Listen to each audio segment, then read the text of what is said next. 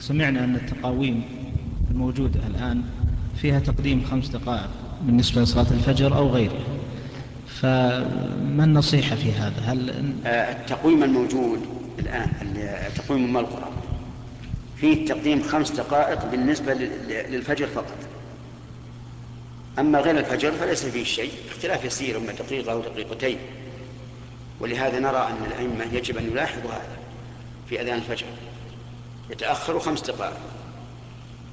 وهم إذا تأخروا خمس دقائق ما يضر. يعني مثلا لو قدرنا إن, إن التقويم على الفجر تماما وتأخر الإنسان خمس دقائق لا يضر. لكن لو تقدم دقيقة ضر.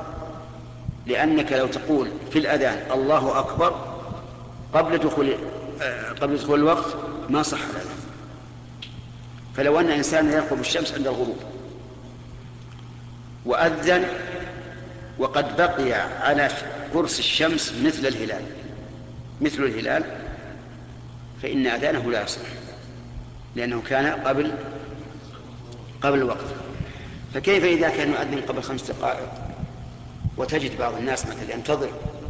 متى يؤذن؟ ثم يصلي على طول.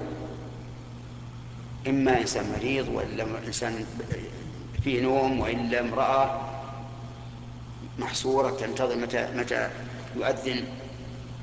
فالمهم على المؤذنين أن يتأخروا خمس دقائق في أذان الفجر.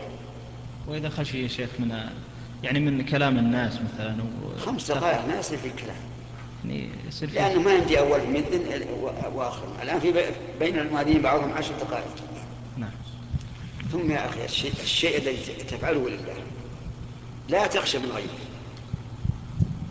أن تفعله لله لا تخشى؟